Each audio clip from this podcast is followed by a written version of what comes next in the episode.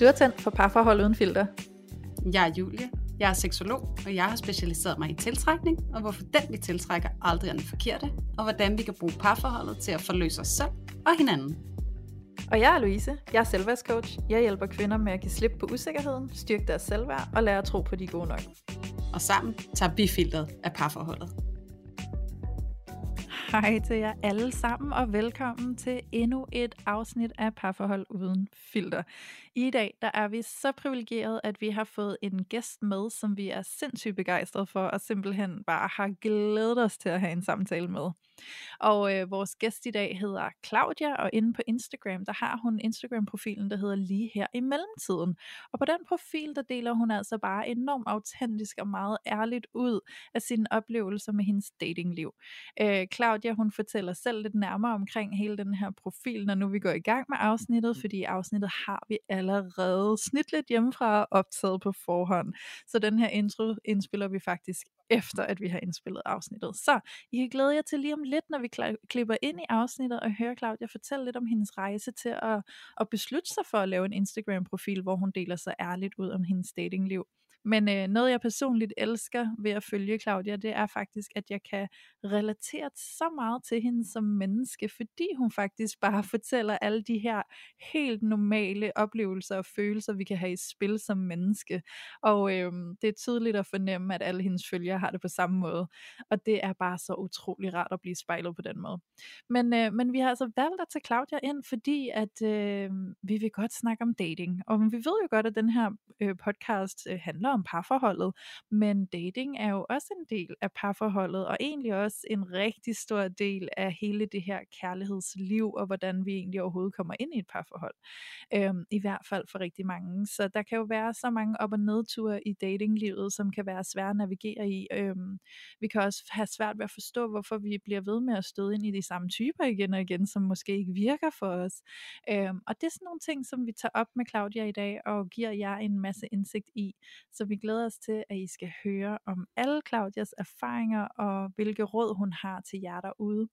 Og øh, så ved vi jo også, at der faktisk er ret mange singler, der lytter med, selvom det her handler om parforhold. Fordi at I har øh, skrevet til os, at I faktisk kan mærke, at selvom I ikke er et parforhold lige nu, så hjælper det jer til at forstå jer selv og blive klogere på jer selv og være endnu bedre forberedt på at gå ind i et nyt parforhold. Så til alle jer singler, der sidder derude, så kan det jo være, at det her afsnit er helt særligt spændende for jer. Og for alle jer, der er i et parforhold, bare lean back, relax and chill, og bare nyd det, fordi det er et hammerspændende og rigtig, rigtig godt afsnit. Og Julie, hej til dig. Og hej til dig, Louise. Det er så fedt at have Claudia med i det her afsnit, vi skal lytte til i dag, og det er det jo, fordi vi nu endelig får muligheden for også at tage filteret af datinglivet, som jo er en kæmpe vigtig optakt til overhovedet at komme i et parforhold. Så jeg glæder mig helt sindssygt meget til at dele det her afsnit med alle jer kære lyttere. Og det er jo ikke kun dig og mig og Claudia, som øh, er involveret i dagens afsnit. Det er vores kære sponsor, Noise Skincare også. Nøje er en hudplejevirksomhed, som laver personlig hudpleje til dig, og det gør de på den måde, at du simpelthen går ind på deres hjemmeside, og så laver du en hudtest, øh, som kommer til at afgøre, hvilke hudplejeprodukter lige netop du har brug for. Så det er altså et opgør med den her hudpleje jungle, som vi kan komme ind i, når vi træder ind i parfumeafdelingen i henholdsvis øh, øh, Salling eller Magasin eller lignende steder det er simpelthen øh, et initiativ, som gør det så nemt som overhovedet muligt for dig at finde de produkter, som netop du har brug for. Og vi er kæmpe begejstrede for at have et samarbejde med Nøje. Og det er vi på grund af, at det er et mega fedt produkt, men også fordi, at vi faktisk langt hen ad vejen deler enormt meget værdier med Nøje. Fordi Nøje, de er også ude på at tage filteret af. Så det er hud uden filter. Og det er det på den måde, at Nøje de gerne vil være med til at aftabuisere alle de her problemer, vi kan have med vores hud, eller alle de her usikkerheder, vi kan have omkring, hvordan vores hud den ser ud. Sådan et enormt opgør med hele filterkulturen, og et enormt ønske om at få det rigtig behageligt med vores hud og den måde, vi ser ud på. Og der er vi jo bare helt enormt privilegeret over, at vi kan få lov til at bidrage til at tage filteret af huden, sådan at vi kan gå og føle os bedre tilpas i vores egen hud og blive glade for den måde, vi er på. Så derfor har Louise jo også delt en video, hvor vi viser jer vores hud inde i vores loge på Facebook. Netop fordi, at vi nemlig rigtig gerne vil bidrage til hele den her bølge af, at tage filteret af og normalisere alle de usikkerheder, som vi kan have omkring måden, vores hud den ser ud på. Så derfor så er vi bare kæmpe glade for Nøje, og du kan få mulighed for at prøve Nøje, og øh, jeg siger prøve, fordi at Nøje de faktisk så sikre på deres produkt, at de forbedrer, at de lover hudforbedringsgaranti. Og det betyder altså, at hvis du ikke er tilfreds med dit produkt, så kan du altså bare sende det retur, og så sikrer de, er de på, at det virker, og det er 86% af deres brugere, som melder tilbage, at det har effekt efter de første 30 dage, og jeg er en af dem, så jeg er kæmpe fan. Og hvis du sidder og tænker, at det her det vil jeg helt vildt gerne gøre brug af, så er du så heldig, at vi har en rabatkode til dig, hvor du kan få 15% på din første ordre ind hos Nøje. Og den her kode, den taster du simpelthen bare ind, når du har lavet din hudtest, og Nøje har fundet dine produkter, og du skal bestille dem hjem, så taster du den her kode ind, som er parforhold uden filter i et ord med små bogstaver. Og så får du altså 15% rabat på din første ordre. Og til dig, som sidder og tænker, det skal jeg simpelthen prøve, så siger jeg tusind tak, fordi at hver gang, at I som lyttere benytter jer af de her rabatkoder, vi skaffer til jer, så er I altså også med til at støtte vores podcast. Så tusind tak til dig, som vælger at prøve det af med nøje, og jeg tør næsten godt love, at det bliver en helt fantastisk oplevelse for dig og din hud. Og nu hvor det er sagt, Louise, så tænker jeg, om vi ikke bare skal kaste os ud i det, og lytte til afsnittet med Claudia. Helt sikkert. Det skal vi uden tvivl. Så kæmpe god fornøjelse til alle jer derude. Nu skal vi tage filteret af datinglivet sammen med Claudia. Så hej til dig, Claudia. Hej Julia, hej Louise. Hej. Hej. Så vi har jo øh, glædet os enormt meget til i dag. Og øh, glædet os enormt meget til, at vi skal snakke med dig om dating og dine erfaringer og dine oplevelser med dating. Og øh, inden vi gør det, så vil vi jo også rigtig gerne lige høre en lille intro om dig, Claudia, og øh, vil du ikke fortælle lidt om dig, og hvad, hvordan er du havnet i sådan Instagram-land af en datingprofil, der bare øh, er eksploderet i luften på den måde? Jo, det vil jeg selvfølgelig rigtig gerne. Øh, jeg er 32 år, og jeg bor på Frederiksberg i en lejlighed, jeg har købt efter mit seneste brud med en øh, kæreste, og øh, til daglig der driver jeg en konsulentvirksomhed og har gjort det i syv år. Og øh, har jo de sidste to år været bundet til dansk jord, men har ellers øh, rejst rigtig meget af jorden rundt med min computer under armen. Så mm. det er mhm. sådan mit arbejdsliv. Øh, så jeg har enormt meget frihed og er ikke bundet af så mange ting i mit liv, og det kan jeg rigtig godt lide. Øh, men på den anden side, så har jeg altid ønsket mig en kæreste, faktisk lige så længe jeg overhovedet kan huske jeg tror, da jeg var 15, der ønskede jeg mig en kæreste i fødselsdagsgave, da min mor spurgte, hvad jeg gerne ville have. Øh, og det var selvfølgelig for sjov, men det var også øh, en grad af øh, den her længsel for at høre sammen med nogen et sted. Og nu er jeg 32, og har stadigvæk ikke sådan helt lige lykkedes med den livsopgave, som jeg ser det. Øhm, så er jeg bare sådan rimelig spontan og nysgerrig på, øh, hvad livet også kan. Øh, så jeg har blandt andet også meldt mig til nogle datingprogrammer helt tilbage i dagens mand-tiden, hvis man kan huske det. Mm. Øhm, og øh, her øh, allersenest sidste år var det øh, Alene Sammen, som er det her datingprogram på TV2, hvor man tager ud på en ø og bor i 10 dage. Så, øh, og så ja, nogle små projekter derimellem. Men, men mit eneste, eller mit seneste sådan alene projekt, det er jo det her Instagram vi, virvar, jeg nu har kastet mig ud i, hvor at jeg dater nærmest for åben rullende skærm på min profil.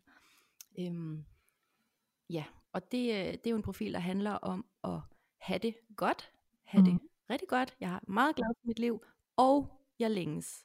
Ja. Så jeg kan godt have det godt, og stadig ønske mig en kæreste. Det ene udelukker ikke det andet, og jeg er ikke needy og desperat og sørgelig. And hallelujah for that. Ja. Jeg føler i min alder nu, at hvis man er over 30, så får man de der sørgelige hundeøjne, sådan, har du så overvejet facilitetsbehandling? hold da op, altså, må jeg lige have lov at, at trække vejret, ikke? Øhm, ja. Så det har jeg bare sådan, øh, det er blevet mit lille mantra, at, øh, at min profil handler om at, at, at være glad og tilfreds, og have en længsel stadigvæk. Ja. De kan godt sammen eksistere, de to ting. Ja, lige præcis. Ja, og med det du siger lige her, Claudia, så synes jeg jo faktisk, det er ret interessant, fordi vi berører jo lidt nogle fordomme omkring det at være single, når man er over 30, fordi du siger, at folk får de her hundeøjne og begynder at spørge ind til facilitetsbehandling og alt muligt andet, som om, at uh, der er krise nærmest, ikke? Hvad skal Mm. vi gøre? Øhm, så, så jeg er nysgerrig på de der fordomme, der ligger i singlelivet, efter man er fyldt 30. Det er jo selvfølgelig en kulturel oplevelse, ikke? Men, men Mm. det er spændende, hvad er det for en kultur, vi har kørende her, hvor, at, hvor vi næsten har sådan medlidenhed, hvis man er single, når man er over 30. Mærker du tit, at den sådan, fordom eller medlidenhed, den viser sig? Altså generelt møder jeg ikke så meget øh, medlidenhed, fordi at jeg tror, at de fleste godt kan mærke på mig og min energi, at jeg ikke er nogen stakkel, der sidder derhjemme og øh, googler katte på den måde. Og katte er der jo i øvrigt overhovedet ikke noget galt med, Nej. kan mig og Julie så sige. Men jeg har også kærester, så øh, Ja. det jeg kan legitimerer min katten. katte Det er, at vi godt må have katte, bare fordi vi har en kæreste. For det må man altså også godt, hvis man er single. det må man så gerne. ja. Det må man så gerne. Men øh, jeg skal bare ikke have ni katte, og jeg skal ikke have folks medlidende, medlidende blikke over, at, øh, at jeg bare øh, har et liv uden en kæreste. Nej. Så. Det vil jeg gerne, det vil jeg ge- meget gerne undgå, og det var det er faktisk rigtig slemt, når min far har dem, fordi han er sådan, han har også en aktie i det, og ja, han vil jo så gerne være morfar, og det er bare sådan en kæmpe pressure. Altså jeg kan jo ikke gøre det anderledes, end jeg gør. Jeg gør jo, hvad jeg kan. Og der, det har jeg lyst til at, at, at tale ind i, Claudia, fordi det tror også, at det måske er en af de fordomme, jeg selv nogle gange øh, kan komme til at sidde med, og som jeg egentlig er ret nysgerrig på, det er, at der er den her fortælling omkring øh, de her kvinder, netop i 30-årsalderen, som er på datingmarkedet, og som er single, og at det ligesom er sådan en eller anden tilstand af desperation, øh, på grund Mm. af den her biologi, og det her med gerne måske at ville have nogle børn og stifte noget familie på et Mm. tidspunkt. Og det kunne jeg egentlig godt tænke mig sådan at høre dit take på, hvordan du ser den tendens, også i forhold til, at jeg jo fornemmer på din Instagram, at du også netværker med en hel masse andre kvinder, som Mm. måske er lidt det samme sted i livet, som også er single. Sådan, så hvordan oplever du det her pres omkring familiestiftelse? Mm. Altså, sådan som jeg ser på det, så er det, så er det to forskellige pinde. Så der er en pind, der handler om at gerne vil være mor, i mit tilfælde, øhm, og så er der en pind, der handler om at gerne ville have familien. Og for mig øh, kunne jeg ikke, jeg kan ikke sige, hvor jeg er om fem år naturligvis, men lige nu, der, der tænker jeg slet ikke over at øh, skulle være nogens mor selv. Jeg tænker over, at det jeg gerne vil som mor, det er at stifte en familie. Jeg drømmer om det her moment, hvor at jeg skal tisse på en graviditetstest, og min mand står ude på den anden side af døren, og øh, helt øh, tårer øh, og den er positiv, og du ved, vi skal øh, sige det til vores forældre, og hele den her sådan romantiske fortælling, som jo ikke er givet eller lovet for nogen, men, men det er sådan, det, er det jeg gerne vil med at skulle være forældre. Mm. Øh, så jeg går ikke brændende og ønsker mig at være nogens mor alene. Mm-mm. Og kommer ikke til, tror jeg, at ønske mig at, at ligesom tage den vej øh, mod at, at skabe den form for familie. Mm. Øhm, og jeg er skilsmissebarn, så jeg kunne egentlig bare godt tænke mig at gøre noget andet, end, end det jeg selv ligesom øh, oplevede øh, at have en familie, der bliver, der bliver splittet ad. Så jeg har også en, en kæmpe drøm om at, at møde min kommende mand så sent i livet, som jeg er nu. Og jeg ved meget mere, hvem jeg er, og hvad mine drømme og ønsker og værdier er. Så jeg tænker, hvis jeg, hvis jeg mødte ham som 22-årig, så var der jo øh, potentielt set større risiko for, at vi voksede fra hinanden, hvor at nu er jeg meget mere grounded, så det er han jo forhåbentlig også. Og så kan vi måske netop undgå det, øh, som rigtig mange skilsmisseforældre jo øh, ender i, når de Ja. vælger at gå hver til sit. Så det er sådan min lille øh, øh, historie op i hovedet om, hvad jeg allerbedst kunne tænke mig. Ja, men, men, men jeg, jeg er nysgerrig på, Claudia. Altså nu går du så og har den her, det lyder egentlig som om, at du har sådan ret klar, hvad kan man sige, forestilling om, hvad det er, du går længes efter, og hvad du godt kunne tænke dig, og hvordan det skulle se ud, også sådan med baggrund i din egen erfaring, og det du selv er vokset op med. Øhm, men den her følelse af, at, at gerne ville have det, hvad, hvad, hvad gør det ved dig, når du er ude og date? Er det noget, der fylder i dig? Er det noget, der kan sådan overtage dig, den her, eller det her dybe ønske om faktisk at komme derhen, hvor at du får stiftet en familie og har den her fremtid med den menneske? Er det noget, du oplever, der påvirker dig i dit datingliv? Det er det begyndt at gøre. Øhm, nu havde jeg en kæreste for to år siden, som gik forbi øh, lige da corona ramte verden. Og, øhm, og, og der, der kiggede vi på hinanden, ham og jeg, og var sådan, wow, så er det jo os to resten af livet, og vi skal lave børn, og vi skal alle mulige ting. Og det gik så øh, forbi, tydeligvis. Øhm, men men der, der blev der født den der øh, længsel, eller øh, drøm, eller sådan vision om, om familielivet, og du og jeg mod, mod hele verden følelse. Og den har jeg faktisk ikke haft før. Jeg er et brændt barn, hvad angår øh, det at tro på parforhold. Jeg har været i terapi siden jeg var 15 år. Øh, jeg har øh, taget en, en psykoterapiuddannelse og alt mulig selvudvikling, fordi jeg havde bare sådan brug for at forstå, hvorfor at noget af det eneste, jeg ikke sådan rigtig selv kan opnå, det, det er den der sådan tosomhed. Øh, hvor, hvorfor, hvorfor kommer det ikke let til mig, når jeg skaber så meget succes på alle mulige andre områder i mit liv, og alle mulige andre ting, jeg sætter mig for, både sådan på venskabsplan og komme ud og se verden og drive en virksomhed og tjene penge på en helt vanvittig øh, privilegeret måde og alt det her. Hvorfor er det, at, at, at alle de mænd, jeg møder, det, det, jeg, kan bare, jeg kan bare ikke mærke det. Jeg kan ikke, jeg kan ikke få det til at fungere ind i mig. Øhm, fordi det er altid mig, måske sådan 95% af gangene, som, som ligesom må, må stå af øh, i, i mm. relationen. Så hvorfor er det, den del ikke fungerer? Øh, og der har jeg jo snakket rigtig, rigtig meget med, med forskellige fagpersoner øh, om, hvad, hvad det er, jeg ligesom har med mig, når man, når man som mig er skilsmissebarn, og øh, helt klart har oplevet nogle, nogle svigt. Så for at komme tilbage til de spørgsmål, Julia, øhm, det påvirker mig, fordi at jeg hele mit liv har sagt, jeg skal ikke giftes, jeg skal ikke have børn. Og så er den potte pisse ligesom ude. Så, nå, okay, så har jeg bare fundet mænd, der enten ikke var der, hvor vi behøvede at snakke om det, og jeg behøvede jo heller ikke at snakke om det, og, og nu behøver jeg at snakke om det. Fordi nu, nu behøver jeg at date en mand, som har nogenlunde samme fremtidsdrømme og visioner, som jeg har. Så da jeg mm. for eksempel øh, datede en fyr her for nogle få uger siden, og han sidder på en bænk i Frederiksberg have og siger, jeg ved ikke, hvad jeg vil i fremtiden, jeg vil bare gerne have det godt, og jeg skal i hvert fald ikke have børn. Mm. Så krakkelerede den sådan, fascination af ham, og det er bare helt okay. Altså, det, mm. det, han må gerne være, som han er, men jeg er, som jeg er, og, og mine drømme skal i hvert fald ikke vi til side for, for hans og min relation, og vi ikke ved det samme. Mm, nej. Så, så det er ret nyt, at, at det der med børn, og øh, det kan også være sådan noget, men vil du gerne bo i byen resten af dit liv? Fordi det ved jeg med mig selv, nu nu har jeg boet i byen i 12 år, øh, det, det, jeg vil ikke bo her resten af mit liv. Mm-mm. Øhm. Nej. Så jeg bliver nysgerrig på, Claudia, det her med, at, at du så måske møder nogen. Er det sådan, er det konsekvent, at du render ind i de her mænd, som ikke nødvendigvis vil det samme som dig, eller at der ligesom kommer det her breaking point. Nu sagde du også, at det i de fleste af tilfældene faktisk er dig, der måske ender med at, at trække følehornene lidt tilbage. Kunne du ikke lige have lyst til at prøve at sætte lidt ord på, hvad det er, der sker der, når det er, du trækker følehornene tilbage? Mm. Jo, øh, jeg møder øh, jeg tror lige, jeg vil starte et andet sted. Øh, I min indbakke ja. på Instagram, der er der jo simpelthen så mange øh, dejlige øh, damer især, som deler deres datinghistorier med mig, fordi at jeg jo deler mine datinghistorier med dem. Mm. Øhm, så det bliver sådan en rigtig fin vekselvirkning. Og der er så mange, der skriver noget i stil af, at jamen så vil han ikke det samme, og så ghoster han mig, og så viser han ikke interesse, så tager han ikke initiativ, og så altså alle mulige rædderlige ting. Og det, det, det, jeg kan sagtens relatere på et eller andet sådan teoretisk plan, men for mig er det altid de sødeste fyre, jeg dater. Jeg har aldrig nogensinde datet nogle sådan ægte røvhuller, eller jeg er ikke sådan rigtig blevet ghostet, eller blevet udsat for, for sådan rigtig trælsegrimme ting. Altså det har været meget, meget, meget lille skala.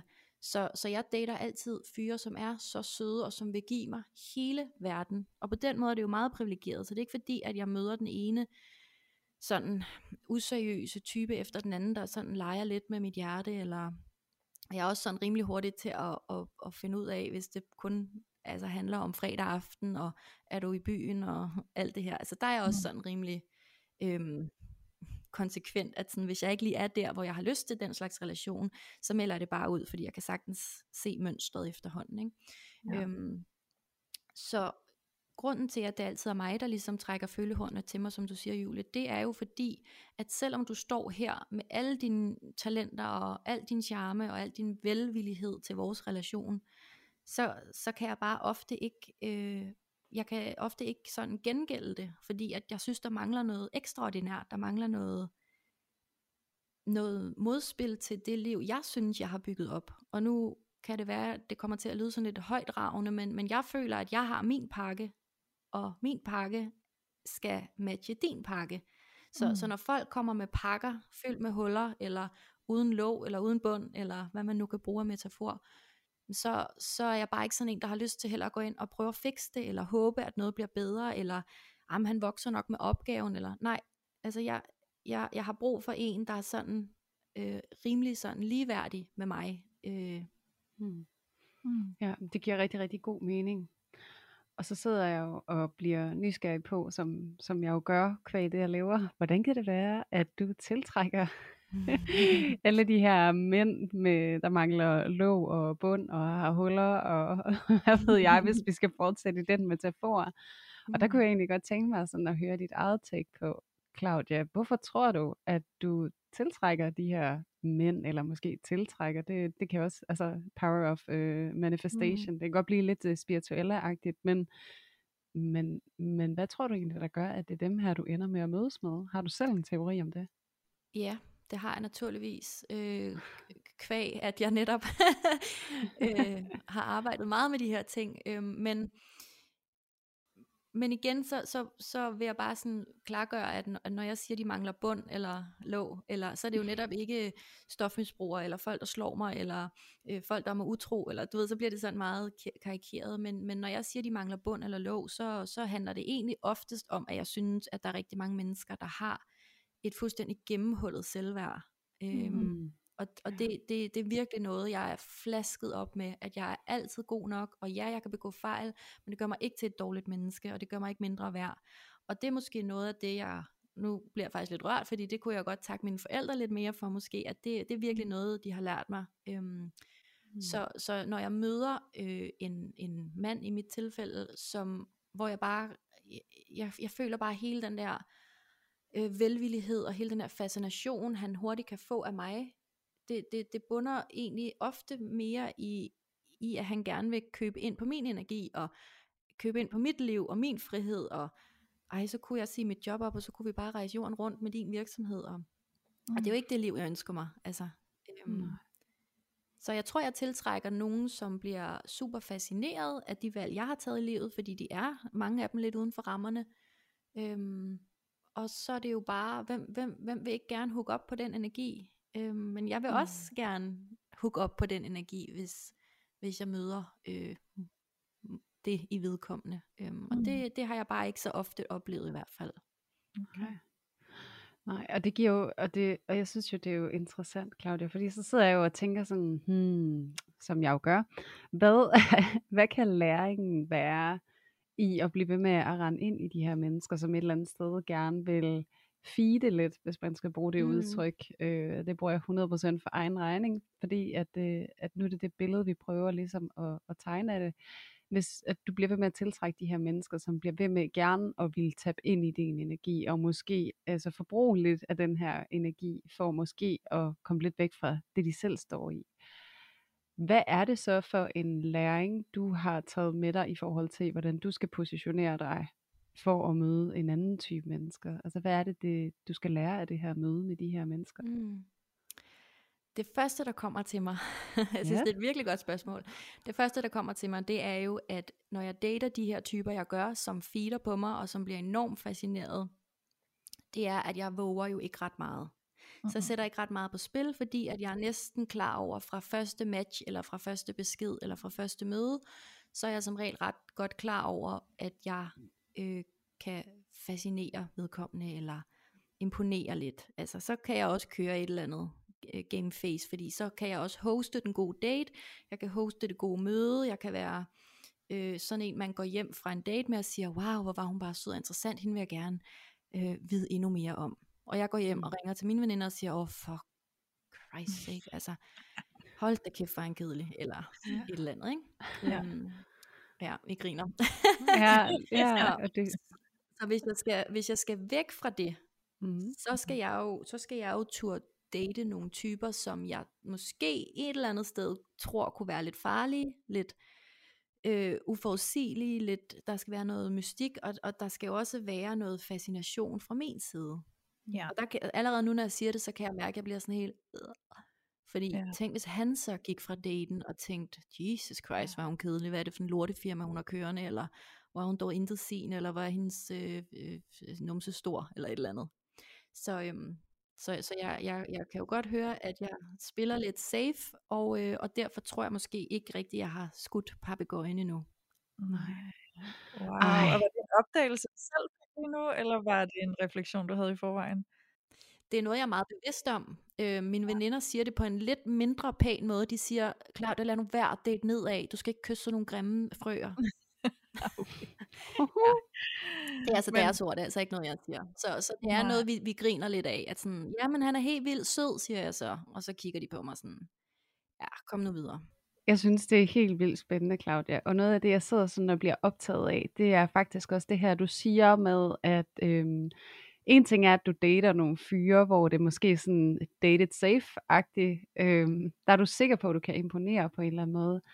Og øh, jeg synes, det er interessant, og jeg har faktisk også selv en veninde, som har en tilbøjelighed til at være fyrenes øh, drømmedate. Mm. Altså det her med at være helt fantastisk og ekstraordinær, og så egentlig ikke rigtig nødvendigvis ville dem. Øhm, men det her med at put your best face forward-agtigt. Mm. Og der, der kan jeg godt være nysgerrig på, om det, om det er noget, du selv kan genkende, eller om det er noget, du selv har spekuleret over, hvad det kan handle om, det her med at være en drømmedate måske. Mm. Ja, ja, det var måske med, med, med, med nogle lidt andre ord, det jeg egentlig prøvede at, at, at sige før, ikke? At, øhm, at det her med netop at, at, at vide, når jeg tropper op, om jeg, jeg har lagt en lille make-up, jeg har taget en pæn kjole på, nu kan han da ved Gud ikke synes andet, end at jeg ser bedårende ud, og når jeg så begynder at snakke om mit liv, og mine prioriteter, og mit arbejde, og hvad jeg laver med mine veninder, og sådan, altså det, det, det må der simpelthen passe lige ned i den der perfekte kasse, som han går og tænker, wow, findes der sådan en kvinde? Øhm, og Mm. det er jo så, altså hvem snyder hvem, fordi når jeg så går derfra og tænker, jeg ved ikke noget om dig, jeg er ikke blevet klogere på dig, jeg synes bare, at, at jeg har været til et eller andet langt interview, og så har du bekræftet mig i, at jeg er fantastisk. Nå, Mm. hvad fik du ud af det, Claudia? Altså, i hvert fald ikke en anden date nødvendigvis, vel? Nej. Øhm, ja. Men jeg sidder også og tænker, øhm, nu snakker vi jo det her med dated safe, ikke? Og det lyder jo som om, at det her med ikke at have for meget på spil, er det, som du går ind i. Og hvad afholder dig fra at turde gå derhen, hvor du faktisk har noget på spil? Ja, men det er da også øh, simpelthen smadret irriterende, at vi lige er kommet ind på det. Fordi, øh, det kan jeg godt mærke, at jeg ikke nødvendigvis har noget rigtig godt bud på. Øhm, Ja. Andet end at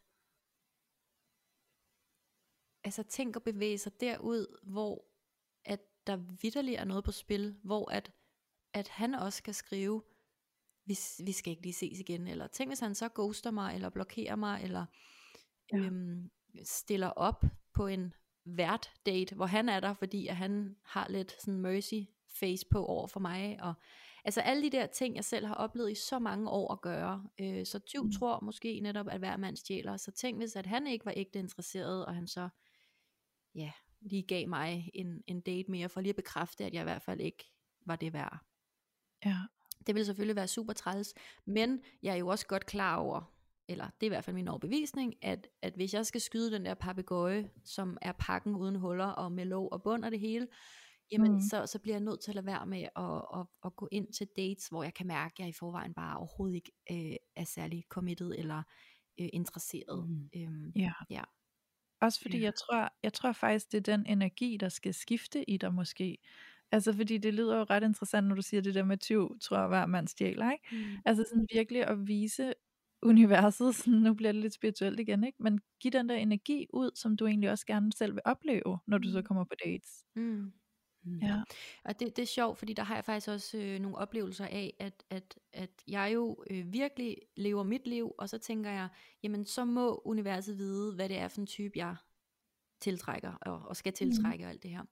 Ja. Øhm, men når jeg så møder folk, der minder lidt for meget om mig selv, så bliver jeg hammerbange.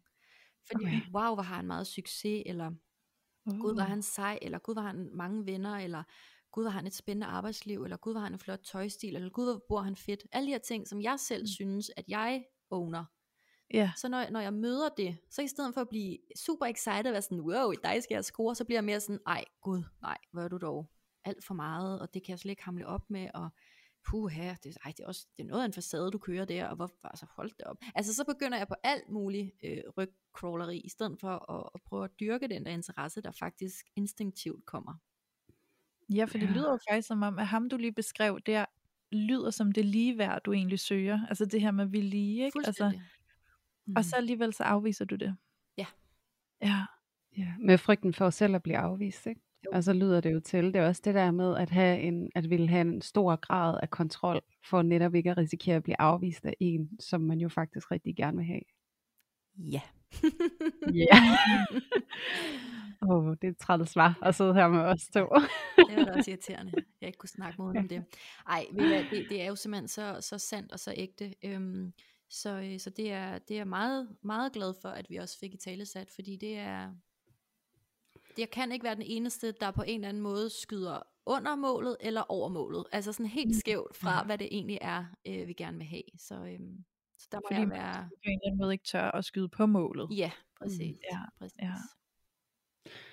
Og jeg tror, at du har helt ret, Claudia, i, at det faktisk er helt vildt vigtigt, og jeg vil også sige helt vildt modigt af dig, og ligesom at ture faktisk at stå på mål for, hvad det er, at du kan se, der sker i dig og med dig i dit datingliv, fordi at der er helt garanti garanteret en hel masse, som sidder og lytter med derude, der kan genkende det. Den her følelse af at ville bevare en form for kontrol for at undgå at stå i en afvisning. Mm. Mm. Og det er jo også det der med at tale ind i, at det jo er et grundvilkår for os som mennesker, den her frygt for at blive afvist. Ikke? Altså det der med at få øje på, hvordan at den her frygt, den kan komme til at tage kontrol over dit datingliv.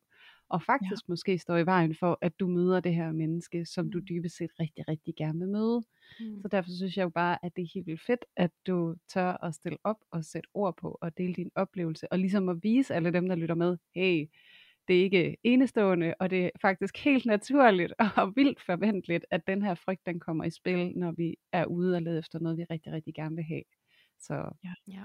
Og jeg tror Stærkt, altså og også, tak. den er, ja, mega tak, Claudia. Det er virkelig sejt, at du vil åbne det for os og for vores lyttere, for jeg tror faktisk, at for rigtig mange, så den mekanisme, vi lige har snakket om her, den er ret usynlig. Mm. Jeg tror, der er rigtig mange, der ikke ser den og ikke er bevidste om den.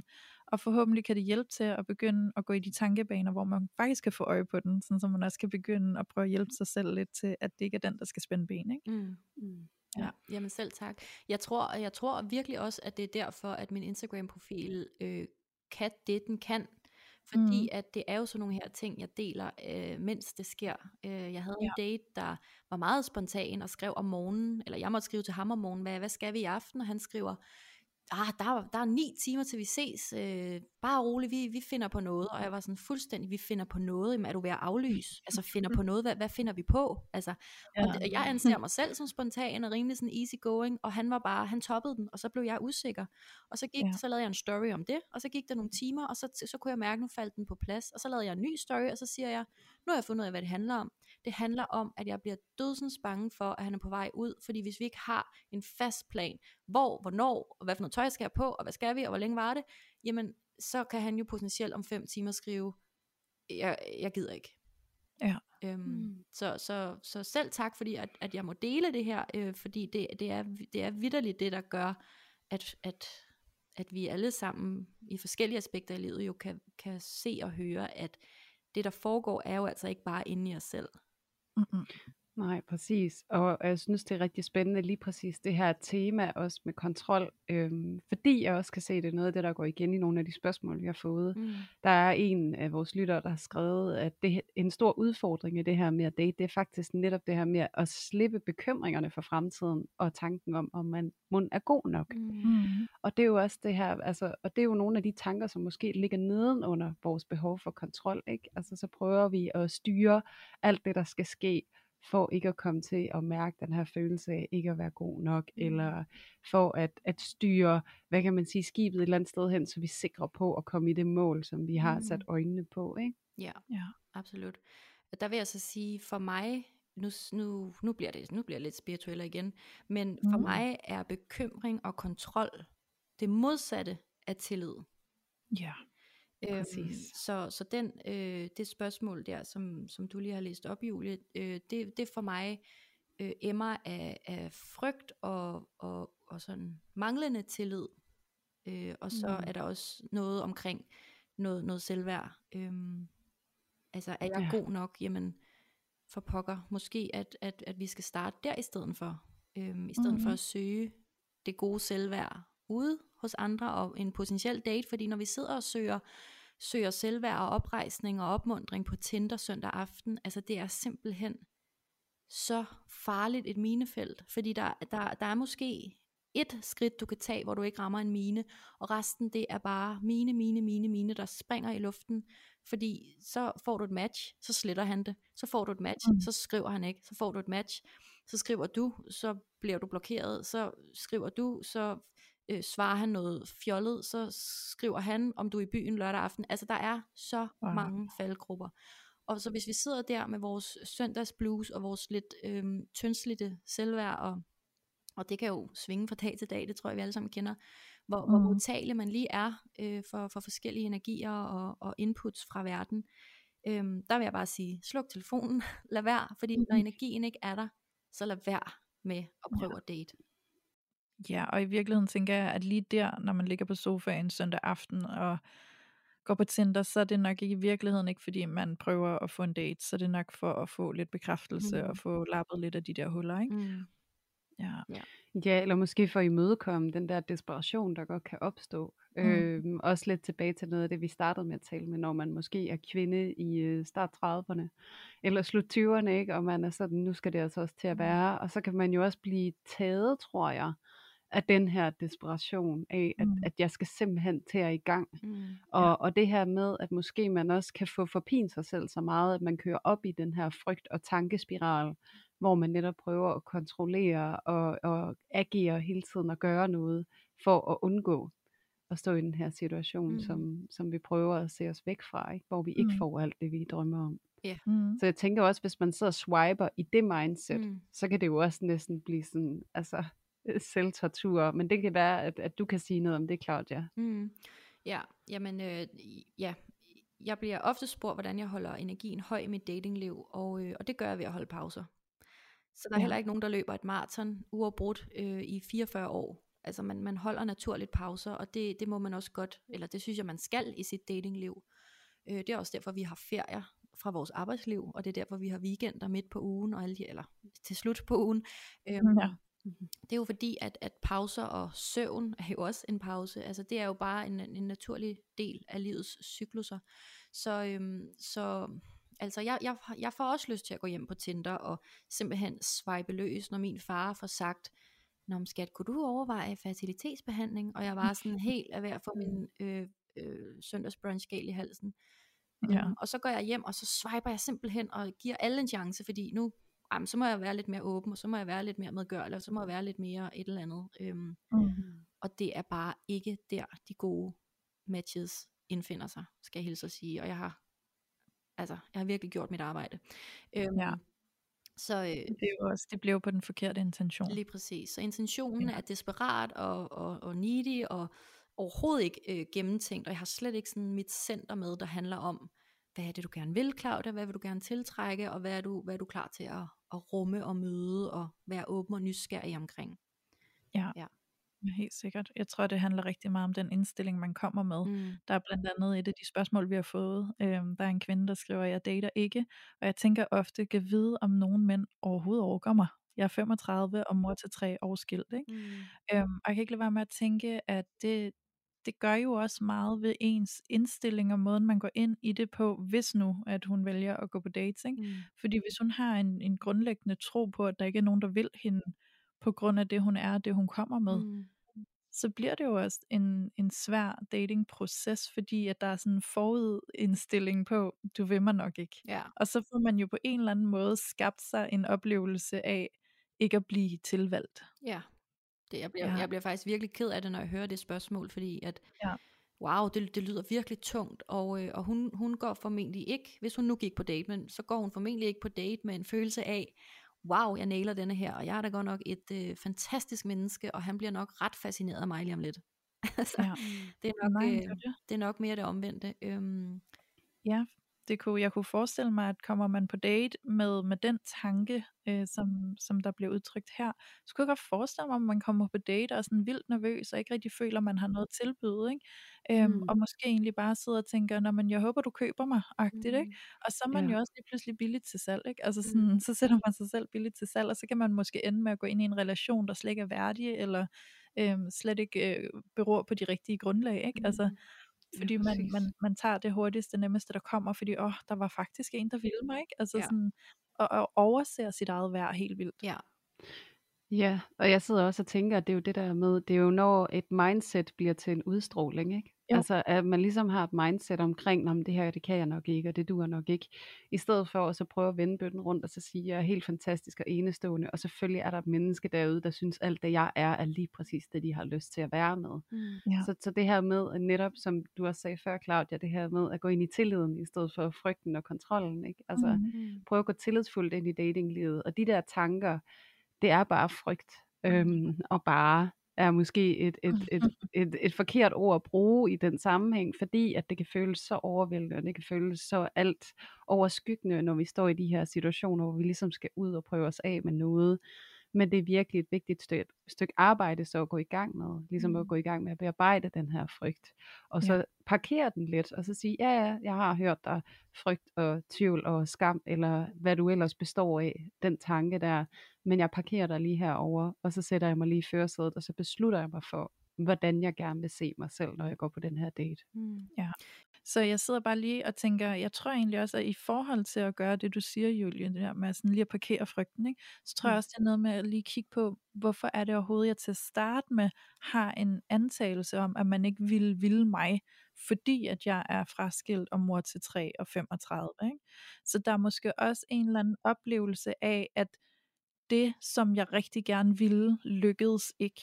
Så jeg sidder Mm. tilbage med en stor sorg Mm. over, at jeg faktisk er fraskilt øh, med mine tre børn, og jeg er midt i mine 30'er nu. Det var ikke det, jeg havde forestillet mig, der skulle ske, og det skete, og det er en stor sorg for mig.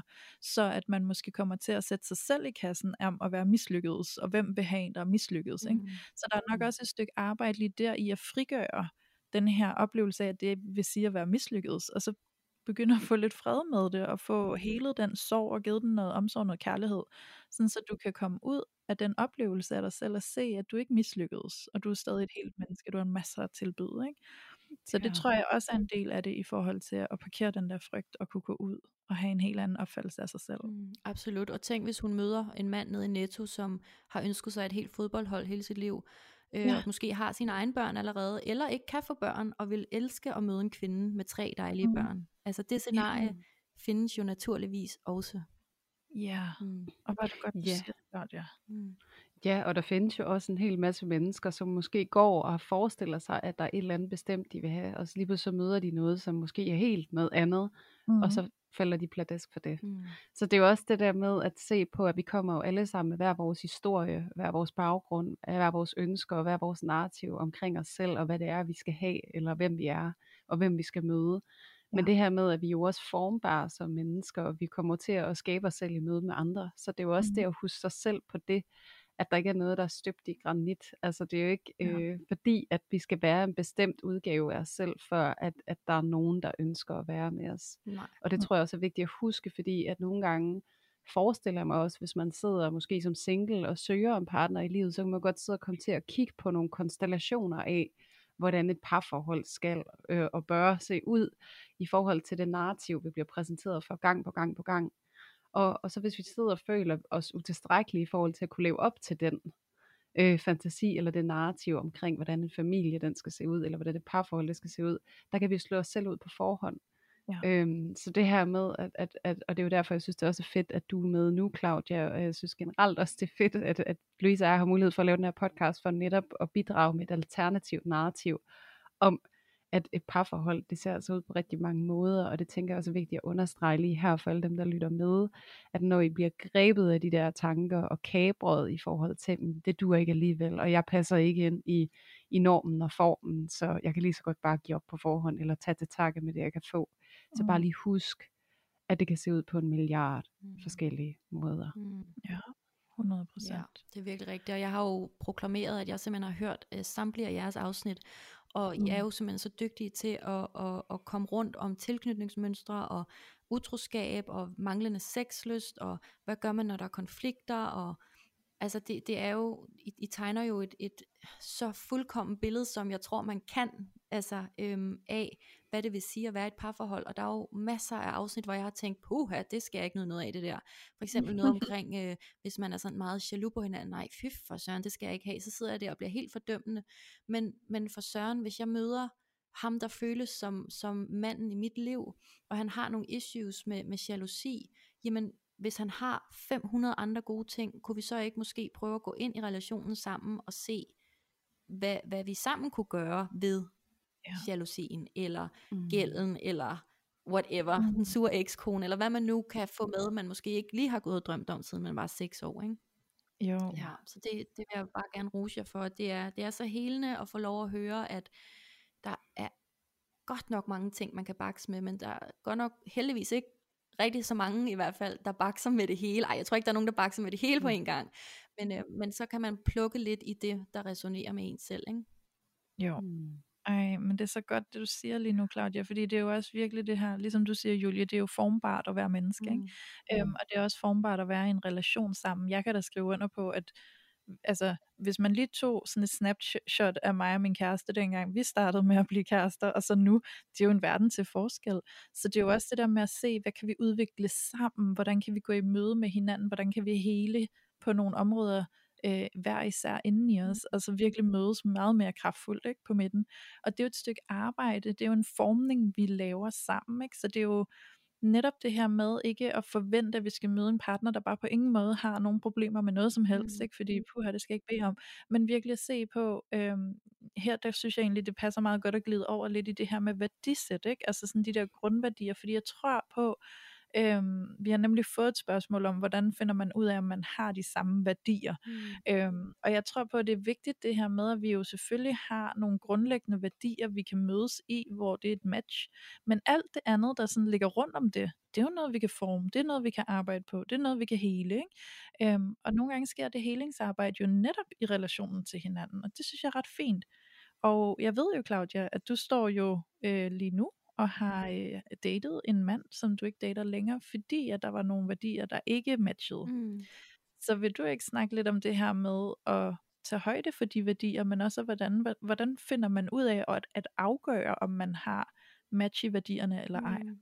Jo, det vil jeg i hvert fald. Øhm, værdier er jo for mig at se i hvert fald super fluffy og kan ændre sig. Netop det her, man, man også skaber ting mm. sammen øhm, som lige pludselig giver værdi, som man ikke troede før. Og det er jeg meget ja. åben over for, at jeg ikke har hele løsningen på, hvad der gør mig lykkelig, fordi det er også noget, der, der netop sker, når jeg kigger ind i, i nogle øjne. Øhm, og jeg har jo de her små lykkefølelser, når jeg dater øh, en, en mand i en længere periode, så kan jeg lige pludselig begynde at se ting for mig. Jeg kan se, at vi kører på ferie sammen, eller Ej, jeg gad godt sidde i en flyver med dig, eller jeg gad godt spise mm. den der Joe the Juice sandwich ude i lufthavnen, og sidde der med vores små trollier, og du ved, så begynder alle de der øh, forestillinger og, og drømme sammen, og det elsker jeg, fordi hvis jeg ikke har dem, så skal jeg i hvert fald ikke date vedkommende, for så er den, så er den simpelthen helt død. Altså hvis jeg ikke mm. engang drømmer sammen med ham, så, så, ja, så kan jeg lige så godt bare gå hjem. Øhm, men, men værdier for mig handler jo for eksempel meget om, øhm, hvad det er, vi har lyst til at tilbyde hinanden. Så mm. en af mine værdier, det er tryghed, Øh, og det handler for eksempel om, at man ikke lader hinanden hænge øh, med en ubesvaret sms, eller at man øh, ikke sådan forsvinder fra jordens overflade i flere dage i streg, eller jeg datede engang en, en fyr, der tog til Møen i fire dage, uden at sige det til mig på teltur, og det må han ja. gerne, jeg bestemmer ikke, hvad nogen må, men han må ikke gøre det over for mig, fordi det er en af mine største værdier, det er, at han også har lyst til at bidrage til, at jeg føler mig tryg i mm. relationen, fordi det gør jeg den anden vej. Ja. Øhm, og, og ham den seneste jeg lige har datet, der var så meget tryghed. Altså det, det var fuldstændig fra første øjekast følte jeg mig tryg sammen med ham og omvendt.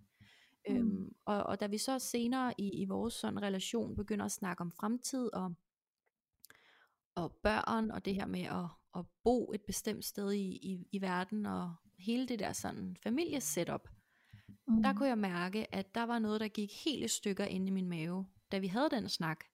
Og ja. han må gerne have sine drømme, og jeg må gerne have mine drømme. Men, men vores drømme var bare 100% uforenelige. Så jeg okay. følte, at hvis jeg skal blive ved med at date dig, jamen så skal jeg øh, fravige nogle af de ting, jeg går og drømmer om, øh, eller, eller jeg skal overtale dig, eller overbevise dig om, at du skal hoppe med på mine drømme. Ja. Og det kan jeg love jer for, at det vil jeg ikke. Mm-hmm. Og jeg tror ikke, man får en, en, en glad partner ud af det om 20 år, hvis jeg har tvunget børn og, og, og et hus med en have ned over hovedet på ham. Altså det, det vil jeg slet ikke. Nej. Øh, og han var bare rigtig, rigtig glad for mig. Det var en af de historier igen. Øh, og, og der var faktisk rigtig mange gode ting. Øh, men, men ja, der var altså der var nogle fremtidsdrømme, som ikke på, på en eller anden måde kunne, kunne forenes. Ja. Mm. Der var noget der, der ikke matchede. Mm, helt vildt. Ja. Ja, og så sidder jeg jo egentlig og tænker, Claudia, i forhold til det her med, når vi skal date sådan med afsæt i vores kerneværdier, og det er da rigtig vigtigt for os. Øhm, kan du ikke prøve at sætte nogle ord på, hvordan du sådan skældner, øh, altså hvornår taler vi om en kerneværdi, som er fuldstændig ufravillig, mm.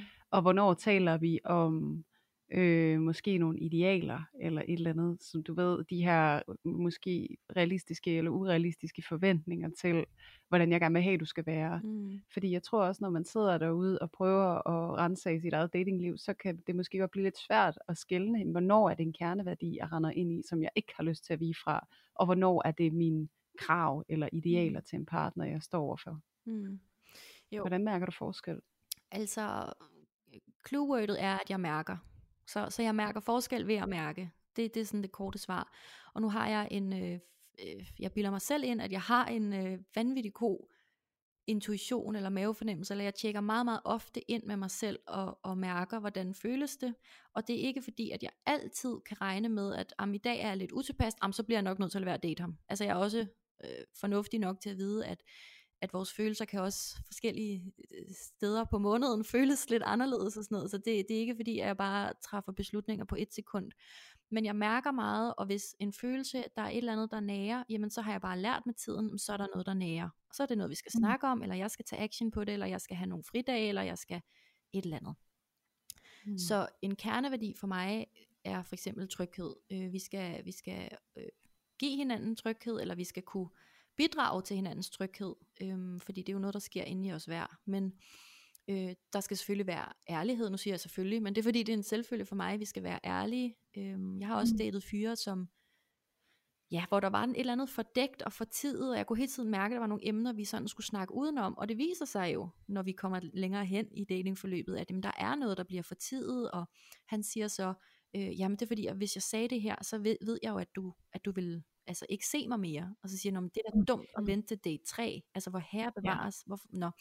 Øhm, så, så ærlighed og sådan den der åbenhed, øh, og en, en værdi, som jeg forestiller mig er vigtig for mig, det kunne være sådan noget med, at han ikke er sådan alt for, for lad og sådan inaktiv, og måske sådan lidt øhm, usund på en måde, sådan, øh, altså, jeg forestiller mig sådan, vi er sådan nogen, der skal kunne blive ved med at gå ture, når vi er øh, 75 år, og vi skal rejse, og måske skal vi på golftur eller et eller andet, øh, så mm. forestiller jeg mig sådan, så skal du også lige være lidt i form, og du skal lige ikke spise så meget slik, og, og ved du hvad, det ved jeg bare, at det er simpelthen så lige meget, hvis jeg først øh, bliver ramt virkelig hårdt på nogle andre værdier, som er endnu vigtigere for mig. Ja. Øh, så kunne det også være sådan noget med, at jeg forestiller mig, at jeg godt kunne tænke mig en kæreste, der kiggede på mig hele tiden, og var sådan, hej skat, hej skat, mm. hej skat, men samtidig jeg har datet den type. Og, og samtidig mm. så siger jeg jo så til mine veninder, gud, kunne han ikke have en hobby, eller hvorfor har han ikke nogen venner, eller hvorfor har han ikke noget andet end at, at lave end at kigge på mig. Så det er da ja. også mission impossible at, at få opfyldt alle de her ting. Men, men når jeg siger det, så er det fordi, jeg vil gerne have øjnene, altså jeg vil gerne have hans opmærksomhed, og hans varme, og den her tryghed. Mm. Og så skal han kunne vende sig om og gå ud i verden, og så ses vi om nogle dage eller nogle timer. Ja. Så det er for eksempel også en værdi for mig, og den, den ved jeg, den kan jeg ikke gå på kompromis med. Jeg kan ikke have en mand, der kun er mm. ude i verden, og jeg kan ikke have en mand, der kun er hjemme. Mm. Ja. Mm. Så jeg, jeg kan nok bedre komme på for, eller jeg kan nok bedre komme på værdier, der er meget vigtige for mig, fordi at de andre værdier ved jeg, at jeg kan øh, get around. Øh, og jeg læste også en interview med Sofie Linde og, og Joachim, hendes mand, øhm, og, og hun sagde sådan ret øh, sjovt, han er alt det, jeg ikke ønsker mig. Og det kan jeg totalt relatere til. Og det er jeg bare helt okay med, hvis det er sådan en type, der dumper øh, ned hos mig en dag. Mm. Ja, og jeg tænker også, jeg sidder også og tænker i noget af det, du fortæller, Claudia, det synes jeg er jo rigtig spændende. Fordi at nogle gange, så tror jeg også, at når vi har de her ønsker, hvis vi skal kalde det det til en partner, for eksempel, du, du benævner det her med, at øh, ikke at være for usund, eller det her med, at jeg gerne vil være aktiv, og vi kan gå ture sammen og sådan noget. Der tror jeg også nogle gange, at man kan gå ned, altså hvis man graver ind bag ved de her ønsker, så kan man godt finde en kerneværdi derinde. Og det er jo nysgerrig på, om du så kan resonere med, hvis jeg siger, at en af dine kerneværdier måske også kunne være det her med, at man gør sig umage for hinanden. Umage for yeah. relationen. Det var et godt ord. Ja, ja, fordi det er jo også, altså, okay, men så kan vi putte det i alt muligt øh, indhold, men hvad grundessensen i at have det ønske, det er jo, at jeg ønsker en partner, der gør sig umage. Mm. Altså sådan, og, og, og plejer forholdet sammen med mig. Mm. Så, så det, og det er jo en helt reel kerneværdi, tænker jeg, man kan sidde med og sige, åh, så en partner vil jeg gerne have. Mm. Og så kan det jo se ud på mange måder. Det er virkelig rigtigt, fordi er der noget, jeg gør i mit liv, så er det at gøre mig umage. Og det er både med min mm. krop, og mit udseende, og min virksomhed, og mine veninder, og mine drømme og længsler, og ja, min Instagram. Mm. Altså det, det er virkelig, øh, jeg er virkelig et, et menneske, der gør mig umage, så selvfølgelig ønsker jeg mig også det i retur. Ja, præcis. Og det tænker jeg er rigtig fint også, hvis man sidder derude og, øh, og, og skal træde ind på datingmarkedet, eller er derinde. Så det her med måske, når I sidder og bliver fyldt op af en hel masse krav, eller sidder med checklisten og er ved at skrive en masse punkter ned i forhold til ting, I godt kunne tænke jer, så måske prøve at kigge bag ved de her egenskaber, og så udlede grundessensen af det. Mm. Og så være åben for, at man kan gøre sig umage på rigtig mange måder, for eksempel. Fordi så tænker jeg også, at når man så får en kæreste, øhm, så kan det jo se ud på mange måder, alt efter hvilket kærlighedssprog man har, alt efter hvor kommunikativ man er eller ikke er, og hvordan man ligesom begår sig i livet, så kan man jo gøre sig umage på mange måder. Ikke? Mm. Så det der med, at man også bliver opmærksom på, når man så finder den her partner, at man gerne vil få øje på det, mm. at den måde, de gør det på, ikke? så man ikke forblænder sig i, at det ser ud øh, i altså det ser ud som om, at man spiser en bestemt kost, eller man dyrker en bestemt form for motion og sådan noget. Mm. Det kan være, at de gør sig umage på andre måder. Ikke? Så det der med også at gå på opdagelse i, hvor er mine kerneværdier, kan jeg finde dem her? Ja der kan det måske også, altså så snyder man ikke måske sig selv for en spændende partner, ikke? Nej, mm. tak. Den vil jeg helt klart tage til mig, at man kan godt gøre sig umage på nogle andre punkter, end det jeg lige har på min ønskeliste, men hvis han gør sig umage, så kan det være, det er nok. ja. ja, ja. Ja. ja. Så få øje på, hvor han gør sig umage. Ja. Øhm, nu hvor vi sidder og snakker om alt det her, så synes jeg egentlig, det passer meget godt ind at tage det her spørgsmål med, som vi har fået fra en af vores lyttere, som skriver, nu til dag snakker vi meget om red flags, og hvad er jeres meninger og holdninger til det? Øhm, fordi jeg kan ikke lade være med at sidde og tænke, når vi har nogle forventninger eller nogle krav, så kan vi jo godt lave vores egne red flags, hvor vi kan sige sådan, hvis du er usund, eller du ikke er særlig aktiv, så er du ikke noget for mig. Ikke? Mm. Øhm, så Claudia, hvordan tænker du om hele det her koncept med red flags? Mm. Øh, det første, der kommer op til mig, det er, at det er meget nemt at være super fordømmende. Ja. Og er der noget, jeg hurtigt kan blive, så er det meget fordømmende. Øh, så, okay. så kan det være netop, hvis du, øh, hvis, hvis jeg synes, du har et lidt uinteressant arbejdsliv, øh, mm. og jeg spørger, jeg prøver egentlig altid at spørge, øh, nå, kan du godt lide dit arbejde?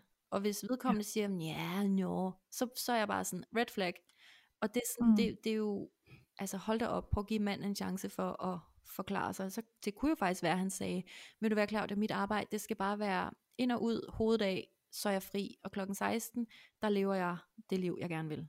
Og det kan ja. være, at det er hans øh, valg og prioritering, og øh, thank God, så skal han jo gøre det. Men jeg behøver mm. ikke at mm. dømme ham så hårdt på det, øhm, og derfor kan han jo mm. faktisk godt være en god kæreste. Ja. Um, så red flags er jo formentlig, tænker jeg, en afspejling af os selv. Så, øhm, ja. så vi kunne jo kigge lidt på, når man holder op, øh, du, jeg har godt nok, jeg, Claudia, har godt nok travlt med, øh, hvordan han lever sin hverdag, eller hvad han bruger sin fritid på, eller hvordan hans forhold til hans forældre er, eller og, og så, så prøver jeg egentlig bare sådan at tænke, Nå, og hvorfor er det, at det generer mig, at han ikke snakker med sine forældre? Nå, men det er fordi, jeg bliver ja. straks bange for, at du er sådan en, der bla bla bla. Øh, så er du sådan en, man ikke kan lide, og du har sikkert lavet rod i den, og din far er en kold skid, så det bliver du nok også, når du bliver 60. Så, så, kan, så kan der køre en eller anden historie om det. Ikke? Så red Jo. flags er vel egentlig bare en afspejling af, af noget frygt og fordømmelse, vi selv Mm. kommer i kontakt med. Helt sikkert. Det tror jeg, du har meget ret i. Og øh, virkelig fedt det her med også at kigge på, hvorfor er det så, at jeg får en følelse af, at det er et red flag, hvis han ikke snakker med sin familie. Ikke? Mm. Og det kunne også lande i sådan en frygt for, sådan, kan det så betyde, at vi ikke selv kan få et godt familieliv mm. med tæt sammenhold og alt den slags. Ikke? Jo. Øhm, og så tror jeg egentlig, noget jeg har lyst til at sige i forhold til red flags, det er, at jeg lægger godt mærke til, at red flags lidt er blevet sådan en tendens, der florerer på sociale medier. Sådan noget, oh, ma- major red flag if he does this, mm. Mm. eller sådan et eller andet. Ikke? Og jeg tror, vi skal passe på med at generalisere øh, sådan nogle red flags, og sådan gøre det til en norm, at hvis et menneske gør sådan her, så skal det bare markeres red flag, og så ud til højre. Ikke? Mm. Øhm, fordi jeg tror, det er sindssygt vigtigt at kigge lidt nærmere på det personlige i det. Hvorfor er det, vi reagerer på det, sådan, så vi ikke bare lige pludselig render rundt og kaster røde flag overalt. Øhm, fordi mm. så kan Mm. vi virkelig få sat en barriere op for at se det ægte menneske, der ligger inde bagved, og finde ud af, hvad er der mere til det her, end bare lige det, jeg ser på overfladen. Ikke? Mm. Ja, og jeg tror egentlig, altså jeg, jeg får også lyst til sådan at sige, at, at altså kom- lige komme med mit take på det, fordi at jeg bliver super optaget af det, I begge to siger, og jeg kan virkelig tilslutte mig hele vejen. Mm. Og jeg sidder også og tænker, at det her med red flags, det er jo både en psykologisk og en social konstruktion efterhånden, ikke? Fordi den ene del er, øhm, hvad er det, du ser, men også det her med, hvad er det for en fortid, man måske har med sig, ikke? Altså sådan, hvad er det for nogle tidligere erfaringer, jeg har fra tidligere parforhold? Så det her med, at dine dårlige erfaringer ikke skal gøres til generaliserende red flags, som du trækker ned over hovedet på samtlige mennesker, du støder mm. ind i.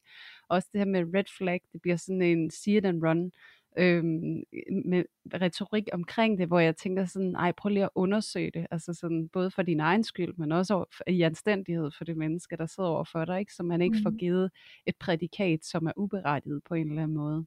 Ja. Og så sidder jeg også og tænker, at, at så skal man jo også være opmærksom på, at hvad er det for nogle buzzwords, der er op i tiden, Ja. i forhold til det her med at date og sådan noget. Jeg, jeg ser jo et buzzword lige for tiden, det er narcissister. Mm. Øhm, det er noget, vi snakker rigtig meget om. Det er noget, der begyndte at fylde mere og mere, og der begyndte at komme flere og flere podcast med øh, mennesker, som fortæller deres historie om deres møde med en eller anden, der var narcissist og sådan noget. Og der skal vi altså også blive opmærksom på nogle gange, at de her buzzwords og de her øh, tendenser, der er oppe i tiden i forhold til, hvordan vi taler om nogle måder, mennesker agerer på, det kan altså også godt ligge latent inde i os, uden vi er helt opmærksomme på det. Og der Mm. ser jeg altså nogle af de her red flag øh, videoer og sådan noget, de taber 100% ind i det her narrativ omkring, hvordan en narcissist er. Mm. Og der Mm. synes jeg, det er vigtigt, at man ikke får sat, I ved, nogle labels på nogle mennesker, man sidder overfor, fordi man ubevidst bare har taget et eller andet ind i sin underbevidsthed, og så navigerer man ud fra det. Så, Ja. så, ja, så den ene side er det her personlige aspekt, hvor vi har nogle øh, måske skygger eller projektioner, eller nogle ønsker, som vi er bange for ikke kan blive indfriet, eller nogle negative erfaringer fra vores øh, opvækst eller tidligere parforhold. Men der er altså også det sociale aspekt, hvor vi skal passe på, at vi ikke kommer til at æde et narrativ, og så trække det ned over hovedet på et menneske fuldstændig uberettiget. Og øh, jeg ved ikke, om I kan tilslutte jer, men jeg synes i hvert fald bare, det er vigtigt nogle gange at understrege, at, at der er også meget mere end det, der bare lige sker inde i os selv. Vi skal også nogle gange lige huske at være opmærksomme på alt det, vi bliver influeret af omkring os. Ja. Mm. Jeg er meget enig, Julie. Meget enig. Oh, det er godt, godt, godt. Så det er ikke bare mig.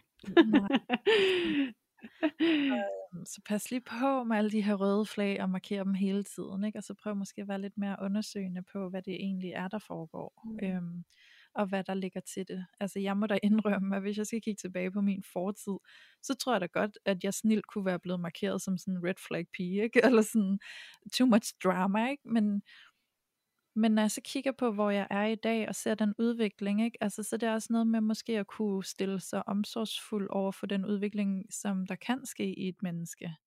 Før at man bare markerer det som, om du er helt kukkeluk, og dig kan vi ikke bruge til noget. Ikke? Mm. Øhm, men, øhm, men ja, jeg tror virkelig, det er vigtigt ikke at kaste for hårdt med de der røde flag, bare fordi det er lidt blevet en trend at gøre det. Ikke? Mm. Ja, der vil jeg så sige, at mine forældre er jo øh, skilt, som jeg har nævnt, og, øh, Mm. og min far møder så sin nuværende kone øh, en del år efter, hvor han absolut er et stort red flag. Altså, øh, der er to børn, og vi er skide sure på hele verden, og der er en ekskone, og der er en flytning, og der er noget økonomi, og der er altså en psykisk tilstand, der gør, at, at han ikke er klar til at, at møde noget nyt. Og de, Mm. er, vi har lige fejret jeg ved ikke, hvad det er for en bryllup, men 12,5 år har de været gift nu, ikke? Altså, og Ja. det, det er bare sådan en kæmpe inspiration for mig, fordi jeg har så tit snakket med min bonusmor om, wow, hvor var det godt, du holdt fast. Du gik ikke på kompromis med dig selv. Du trådte lige et skridt væk fra det, og lod ham ligesom do him. Men hvor var det Mm. godt, at du holdte en tråd i ham, og, øh, og gav det en chance. Øh, og ikke kun så red flags, fordi det var jo faktisk guldet, der lå lige nedenunder. Ja. Ja. Ja. Ja, og det er også det der, og det synes jeg, det er så fedt, du tager det med nu, Claudia, fordi det er jo netop det her med, at man ikke skal forveksle et menneske med en tilstand, mennesket Mm. er i.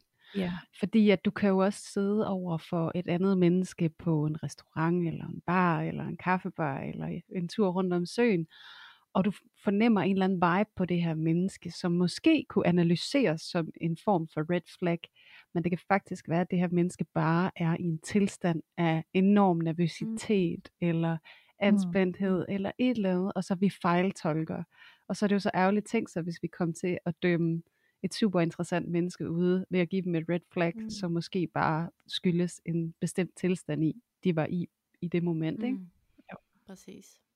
Ligesom Ja. din far. Ligesom min far. Ja, lige præcis. Hvor ville det være ærgerligt. Øh, fordi der, der, der ved jeg jo, at der er så meget godt øh, at byde på. Øh, men, men jeg kan selv være på date, og så hvis nu, at vedkommende er lidt nervøs, som du siger, Julie, jamen, så kan jeg jo lynhurtigt komme til at sådan, hold da op, er han dog uselvsikker, og wow, et hullet selvværd, og han tør nærmest ikke sige noget. Nå, men tænk, han bare var helt vildt fascineret af dig, eller tænk, han havde haft en helt vildt dårlig dag, og bare var Mm. fuldstændig tømt for energi, men ikke vil aflyse. Mm. Altså, det, det er jo også en historie til det, at, at så, øh, så kunne det være, der lige skulle være en anden date. Og hvis der er en lille øh, glimt af noget godt der også, jamen så skal du også på tredje date, altså. Så, øh, Ja. så, så finder man jo mere og mere sin form med det her nye menneske, fordi altså hvem pokker er bare 100% sig selv på første date. Altså jeg har lige Mm. indrømmet, jeg har totalt været inde, ikke? jeg kører totalt Ja. uh, øh, overskud og charme og selvtillid, ikke? og lækkert hår. Ja. Så, Ja, og hvis man så kigger på det udefra, Claudia, så kunne man også sige, wow, et red flag, fordi hun prøver for meget, ikke? Ja, eller sådan, hun har alt for meget styr på det, Ja. det er lidt uhyggeligt, ikke? ja. Og det er jo bare igen det der med, at det kommer helt an på, hvem beskueren Mm. er. Fordi at, at du ved jo også med dig selv, nej, ved du hvad, det er bare nervøsitet. Mm. Altså så, så ved jeg, at jeg bliver på den her måde. Så er det den her måde, jeg coper med det på. ja. Og Mm. det skal vi også bare huske, at det går også den anden vej. Og, og jeg synes, det er også så fint, det perspektiv, du tager med, i forhold til, hvad hvis den, man er på date med, bare har haft en helt vildt dårlig dag, eller en rigtig svær uge. Det kan også være, at de har været på datingmarkedet i lang tid, og det bare ikke er gået så godt, eller de sidste tre dates, der har de bare mødt en hel masse negativitet i forhold til, hvordan de mødte op, fordi de netop døjer med nervøsitet eller whatever. Ikke? Så det der Mhm. med også lige at give sig selv muligheden for at komme lidt ind under huden på det der umiddelbare førstehåndsindtryk, det kan altså være en gave, man kan give sig selv, fordi man jo kan vise, det kan vise, at man er utrolig glad for det menneske, der er inde bag Ja. det der umiddelbare indtryk. Ikke? Ja, men jeg vil også gerne sige, nogle gange så er den der altså Mm. bare heller ikke. Så nogle gange så bruger vi de her 3,5 sekund, og så kan jeg bare mærke, det Ja. her, det kommer aldrig til at gå. Så jeg vil også gerne slå et slag for, at jeg synes ikke, at man skal give alt og alle øh, alt for lang line. Jamen, jeg tror, det handler vel også om, hvor god kontakt man er med sig selv lige der. Mm. Ja, præcis. Fordi man kan jo også have så svært ved at mærke det, ikke? Altså, så jo mere øh, ren kontakt man har til sin intuition, så tror jeg nemlig, at man i højere grad netop kan mærke, er det her noget, jeg skal bruge tid på at give en chance, eller er det bare et nej? Mm. Øhm, og, og der tror jeg altså, hvis jeg kigger tilbage på, på mig selv, øh, på et bestemt tid, det, ja, tidspunkt, skulle jeg til at sige, men det meste af mit liv, hvor jeg gik rundt og ikke havde særlig god kontakt til min intuition, og egentlig bare jagtede bekræftelse, og, og hvis du vil have mig, så er det dejligt, ikke? Altså Mm. sådan, og, og der tror jeg ikke, at man har samme adgang til lige at kunne mærke sig rent, om det skal være noget, man giver en chance, eller om det bare er et nej, ikke? Mm. Så det er måske også noget med at træne den intuition. Absolut. At på Mm. alle måder i livet jo. Ja. Det er jo både, Ja. ja. hvilket job du vælger, og hvilke venner du vælger, og ja. Ja. Mm. Men Claudia, jeg tænkte på, for det er jo noget af det, som vi kan nu, hvor vi har dig med her i studiet. Det er jo, at vi kan dele, øh, det er jo det, Louise og jeg, vi plejer at gøre. Vi plejer at dele en hel masse personlige erfaringer, for ligesom at gøre det meget håndgribeligt, det vi taler om. Men øh, sandheden er jo, at Louise og jeg, vi jo ikke har lavet det her afsnit før nu, fordi ingen af os har den store datingerfaring. Og nu sidder vi jo med dig som ekspert i det her tilfælde. Så. og derfor så kunne jeg godt tænke mig, hvis du kunne sætte nogle ord på, hvordan du mærker forskel. Øhm, kan du sådan prøve at sætte nogle ord på, hvordan det føles inde i dig, i forhold til det her med at møde en, og så siger du så inden for de første tre sekunder, så kan man bare så kan man mærke, om den er der, eller den ikke er der. Så sådan, Mm. hvis du kunne beskrive for lytterne din oplevelse der, sådan at de måske også kan prøve at relatere lidt og få en fornemmelse af, jamen, hvordan kan jeg mærke min intuition i det møde med den menneske og kende forskel. Mm. Ja. For mig udmyndter det sig øh, nærmest altid, vil jeg sige, i sådan en form for, har jeg lyst til at tage en kjole på? Har jeg lyst til lige at have taget et bad inden? Eller, altså igen det her, som jeg lige er blevet gjort opmærksom på, Julie, men med at gøre sig umage. Øhm, Mhm. Så den første date, der, der er jeg også altid nervøs. Altså, jeg er ikke øh, rystende nervøs, men, men jeg er der sådan lidt på dupperne. Altså, og jeg ved jo også Mhm. godt, lige om lidt, så bliver jeg også målt og vejet og bedømt. Øhm, og det er jo Mm. ligesom det, det game, man går ind i. Øh, og det gør man også til en jobsamtale. Så det er jo ikke, altså der er jo mange aspekter i livet og eksamen og så videre. Men, men når jeg så øh, får øjenkontakt med vedkommende, så kan jeg bare sådan, det er sådan en, en kropslig følelse af, gud han ser sød ud, eller nej, nogle søde øjne, eller ej, ham har jeg lyst til at kramme, eller ej, hvor dufter han godt, eller der er alle mulige indtryk og sanser i gang. Øh, og alt mulig Mm. overtænkning og analysering også, men, men også bare sådan en helt kropslig følelse, har jeg lyst til at være her. Og når vi så begynder at snakke, så kan jeg jo hurtigt mærke, har jeg egentlig lyst til, at han spørger ind til mig? Har jeg lyst til at give ham min opmærksomhed og min tid? Og omvendt har jeg lyst til at lytte til, hvad han siger. Synes jeg egentlig, at han, han er interessant og, og sådan Altså den der helt naturlige, hvis du sætter dig ved siden af et fremmed menneske i bussen, og ved, at du skal hele vejen fra den ene til den anden ende af Danmark, har du lyst til at spørge ind til vedkommende. Det kan du ret hurtigt mærke. Ej, ham der, han ser altså, hold det gift. Jeg tager bare øh, headset i ørerne. Og det er, sådan, det er sådan en følelse, jeg også har på en date. Jamen, nu, nu begynder han at snakke, og jeg har stillet et spørgsmål. Hvor interesseret eller investeret er jeg egentlig i det, der bliver sagt? Og ja, og det er sådan en, en rettesnor for mig, at, at er, er min interesse der, eller er jeg sådan allerede på forkant lidt ligeglad?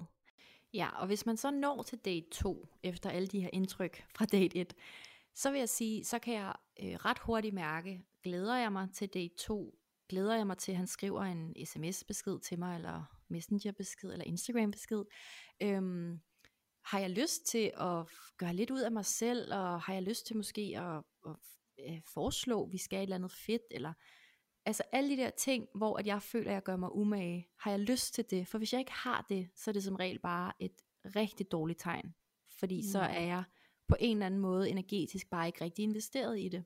Mm. Øhm, så, så hvordan man mærker de følelser, det kan jeg næsten ikke beskrive bedre, end, end det jeg lige har forsøgt. Men det synes jeg også er rigtig fint beskrevet, og det der med også med tanke på, at vi kan mærke ting på forskellige måder. Nogle af os, vi tænker meget over det, og kan mærke, hvad det er for nogle tanker, vi kommer i kontakt med. Og nogle af os, vi føler rigtig meget. Vi får nogle mm. følelser omkring det, vi har oplevet, og så er der nogen, der får mere nogle kropslige fornemmelser. Og det er egentlig meget naturligt, at man har forskellige måder at mærke det på. Men jeg synes jo, at det, når du beskriver din oplevelse, Claudia, det giver jo bare netop et helt vildt tydeligt eksempel på, hvordan det kan mærkes. Øhm, så det her med, hvis der sidder nogen derude og måske leder lidt efter sin intuition eller sin klare fornemmelse, sådan at de ved, om det er et go eller et no-go, så kan de måske lade sig inspirere af det, du lige har delt. Og det er jo det, jeg synes, der er så fint ved, du er her. Det er jo netop, at vi kan få nogle konkrete hands-on erfaringer med, hvordan det kan føles. Hmm. Ja. Dejligt. Og det, jeg tror også, det kan, være, at det kan være sådan lidt urimeligt at anfægte hos andre mennesker. Jeg får jo tit at vide sådan, har du givet det nok, eller hvorfor går du ikke bare ud med ham femte gang, eller giv ham nu en chance, eller men, men så kigger jeg på vedkommende, der, der siger det i bedste mening, fordi de vil mig det bedste, det er jeg slet ikke i tvivl om. Og så siger jeg, ved du hvad, jeg har simpelthen ikke lyst. Jeg har ikke lyst til at bruge en, en aften mere med ham, eller jeg har ikke lyst til at invitere ham ud, jeg har ikke lyst til at skrive godnat, eller godmorgen, eller har du haft en god dag? Der, der er intet i mig, der har lyst til det, du beder mig om at gøre lige nu. Mm. Og det har de fleste mennesker. Så kan de godt se, okay, hun mener det. Hun har Ja. faktisk taget et øh, aktivt valg. Det er ikke fordi, hun prøver at spille primadonna. Øh, Mm. Og øh, du er ikke videre. Nej. Ja. Det er også bare vigtigt at respektere det, du kan mærke. Mm. Præcis. Ja. Det er det. Og der er jo ikke nogen rigtig eller forkert måde at mærke det på. Vi har jo alle sammen hver vores måde. Og, øh, og det er jo sådan, det nogle gange er. Jeg tror bare, det vigtige er netop at blive bevidst omkring, hvordan er det, jeg mærker det. Sådan at man ikke kommer ud i en position, hvor man får grænseoverskrevet sig selv, eller måske nogle andre, ved man bliver ved længere, end hvad godt er. Ikke? Mm. Og det er jo nogle erfaringer, man kommer til at gøre sig undervejs, tænker jeg. Ja, præcis. Ja. Ja.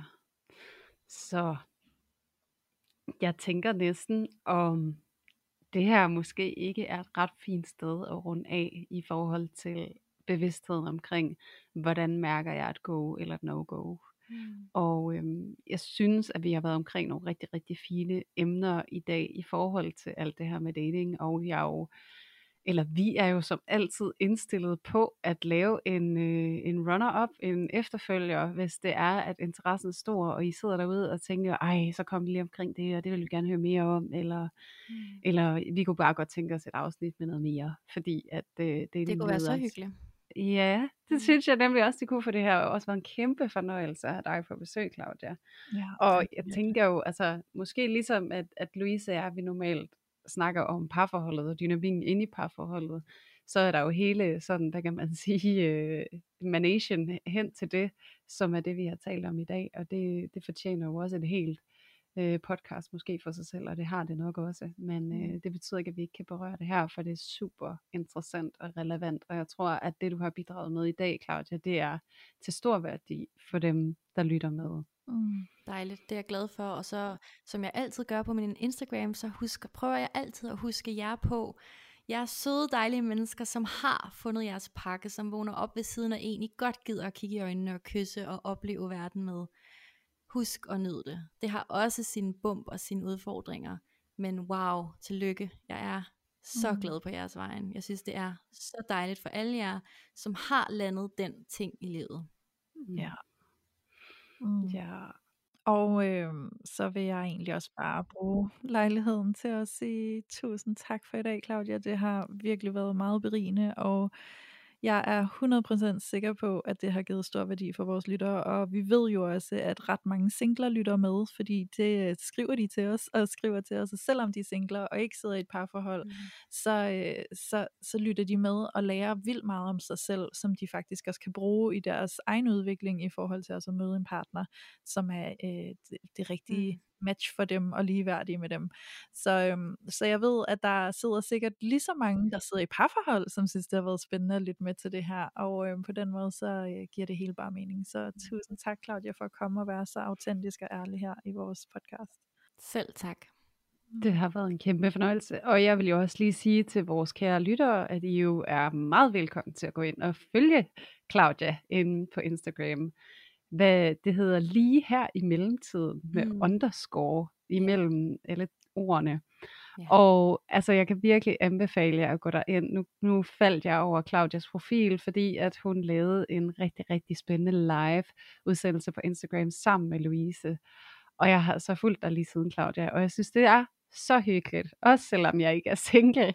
Jeg synes, du er så hyggelig at følge, og du er så autentisk og ærlig og fyldt med god energi, og det er altså bare en kæmpe fornøjelse, så det vil jeg selvfølgelig anbefale alle vores kære lyttere også at gøre, og gå ind og følge dig og dit datingliv. Det er simpelthen så hyggeligt at være med på sidelinjen.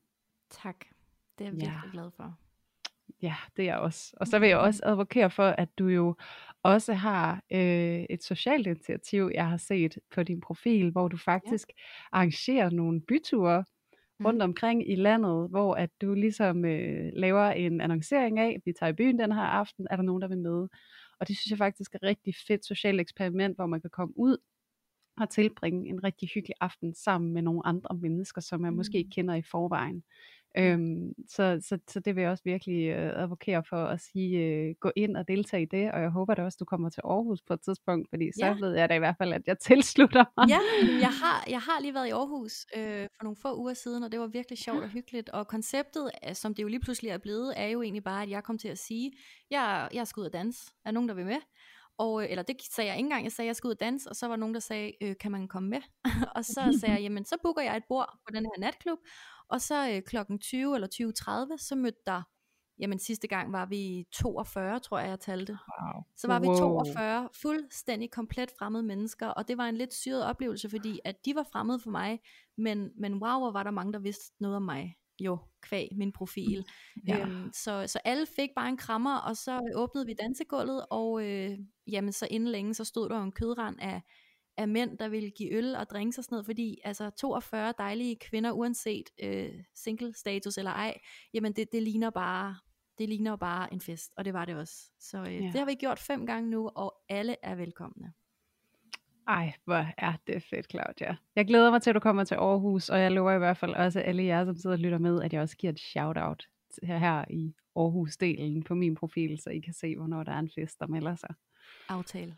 Aftale. Yes, det bliver et great hookup, det kan jeg mærke allerede. Fedt. Ja. Jamen, øhm, det er et rigtig fint punktum på dagens afsnit. Mm. Ja. Og det tænker du også, Louise, gør du ikke det? Ja, det gør jeg i hvert fald. Og jeg tænker, apropos fællesskab og bytur og øh, en masse gruppe, øh, eller en masse kvinder, der mødes i en gruppe, eller mennesker, der mødes i en gruppe, så tænker jeg, at vi lige kunne slå et slag for vores loge også. Fordi vi har jo vores loge inde på Facebook, yes. hvor I kan komme ind og være med.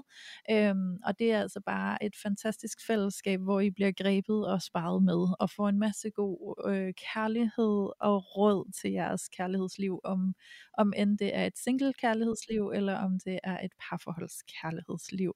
Så kom ind på Facebook og søg på parforhold uden filter, bindestreg, lotion, og så anmod om at blive medlem, så lukker vi dig ind den næstkommende tirsdag. Yes. Lige præcis, og kæmpe anbefaling til, I gør det, for det er et helt fantastisk fællesskab, hvor der er så meget kærlighed, opmærksomhed, råd og sparring og hente. Og det er jo fantastisk det her med, at du kan sidde derinde, og du kan dele helt anonymt, og så modtage al den her opmærksomhed og hjælp og støtte i forhold til de problematikker, du står i, om det så værende som single eller i et parforhold. Så endelig gør det, hvis du sidder og mangler noget støtte på de problematikker, du går med.